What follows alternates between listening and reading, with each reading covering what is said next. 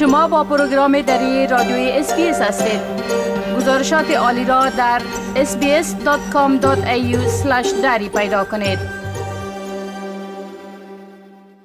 شنونده های عزیز حال همکار ما فضیلت تصمیم در ارتباط با رویدادهای تازه شیوع ویروس کرونا و تطبیق واکسین این ویروس معلومات ارائه می کنند. خانم فضیلت تصمیم سلام بر شما بیشه که در آغاز در مورد وضعیت ویروس کرونا در ایالت نیو ساوت ولز معلومات بتین که در این ایالت وضعیت چطور است؟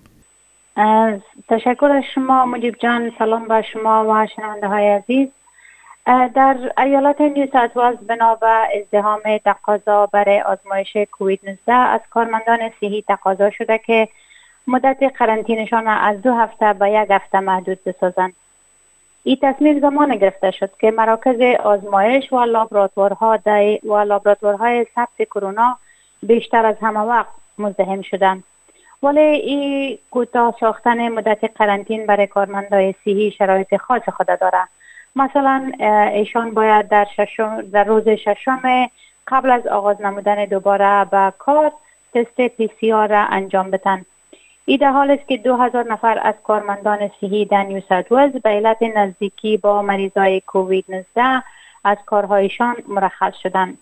ایالت نیو ساوت ولز 6324 مورد بیماری ویروس کرونا را گزارش داده همچنان سه مورد مرگ ناشی از بیماری ثبت شده آقای برد هزارد وزیر صحت در ایالت نیو ولز گفته که چنین به نظر می‌رسه که هر فرد باشنده نیو ولز در یک مقطع از زمان مبتلا به نوع اومیکرون کووید 19 خواهد شد چنانچه ذکر کردیم در ایالت نیو ساوت ولز 6324 مورد مبتلایان به ویروس کرونا ثبت شده که از جمله 520 نفر در شفاخانه ها بستری شده و 55 نفر در بخش مراقبت های جدی هستند.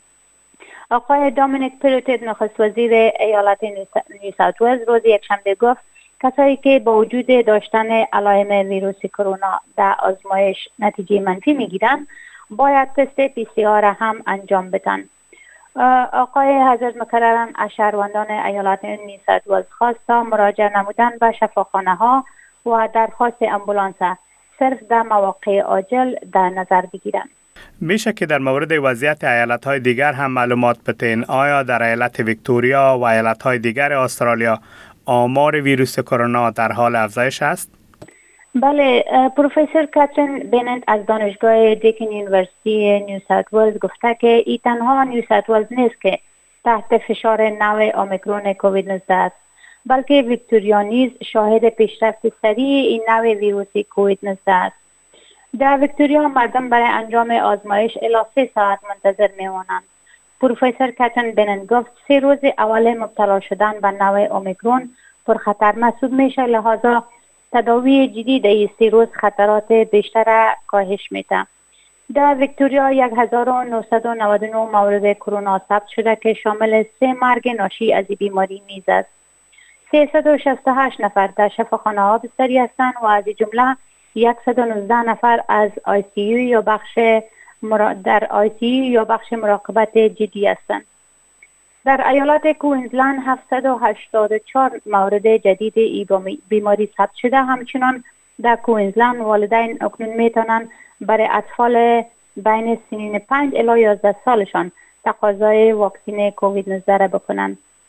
آقای جان جرد رئیس صحت کوینزلند از ساکنین آن ایالت خواست که صرف در صورت داشتن مشکل صحی جدی چون درد قلب و یا مشکل تنفسی به شعبات عاجل شفاخانه ها مراجعه بکنند در کانبرا 189 مورد جدید ثبت شده که از جمله یک نفر در شفاخانه بستری می باشد و در ایالت تزمانیا 194 مورد ویروس کووید 19 ثبت شده که 35 نفر در شفاخانه ها بستری می باشند.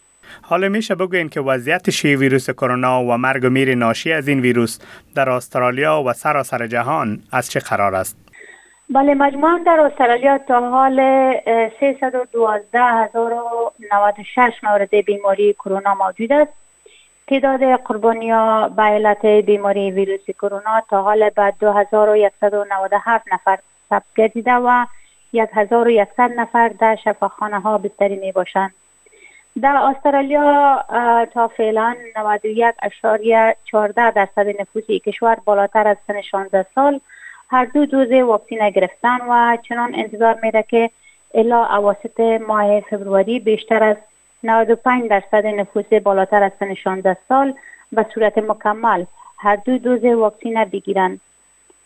تا حال 42 میلیون و 221 هزار و 68 دوز واکسین در سرتاسر سر کشور تطبیق شده. در تطبیق شدن واکسین ایالت تی پیش قدم است که متعاقبا ایالت ویکتوریا بلندترین فیصدی تطبیق واکسینه دارا می باشد و اما در سطح جهانی ایالات متحده امریکا بلندترین آمار موارد کووید 19 را دارا می باشد این کشور با داشتن دو میل... 281 میلیون و 111 هزار و 396 مورد و رقم قربانیان 5 میلیون و 405 هزار و 224 نفر تا حال در بلندترین سطح در جهان قرار دارد. متعاقبا بریتانیا نیز با ثبت یک میلیون و 756 هزار و 558 مورد نیز در سطح دوم در جهان قرار دارد خانم فضیلت تصمیم تشکر از این معلوماتتان. روز خوش داشته باشین. از شما هم تشکر. روزتان خوش. بپسندید شریک سازید و نظر دهید. اسپیس دری را در فیسبوک تعقیب کنید.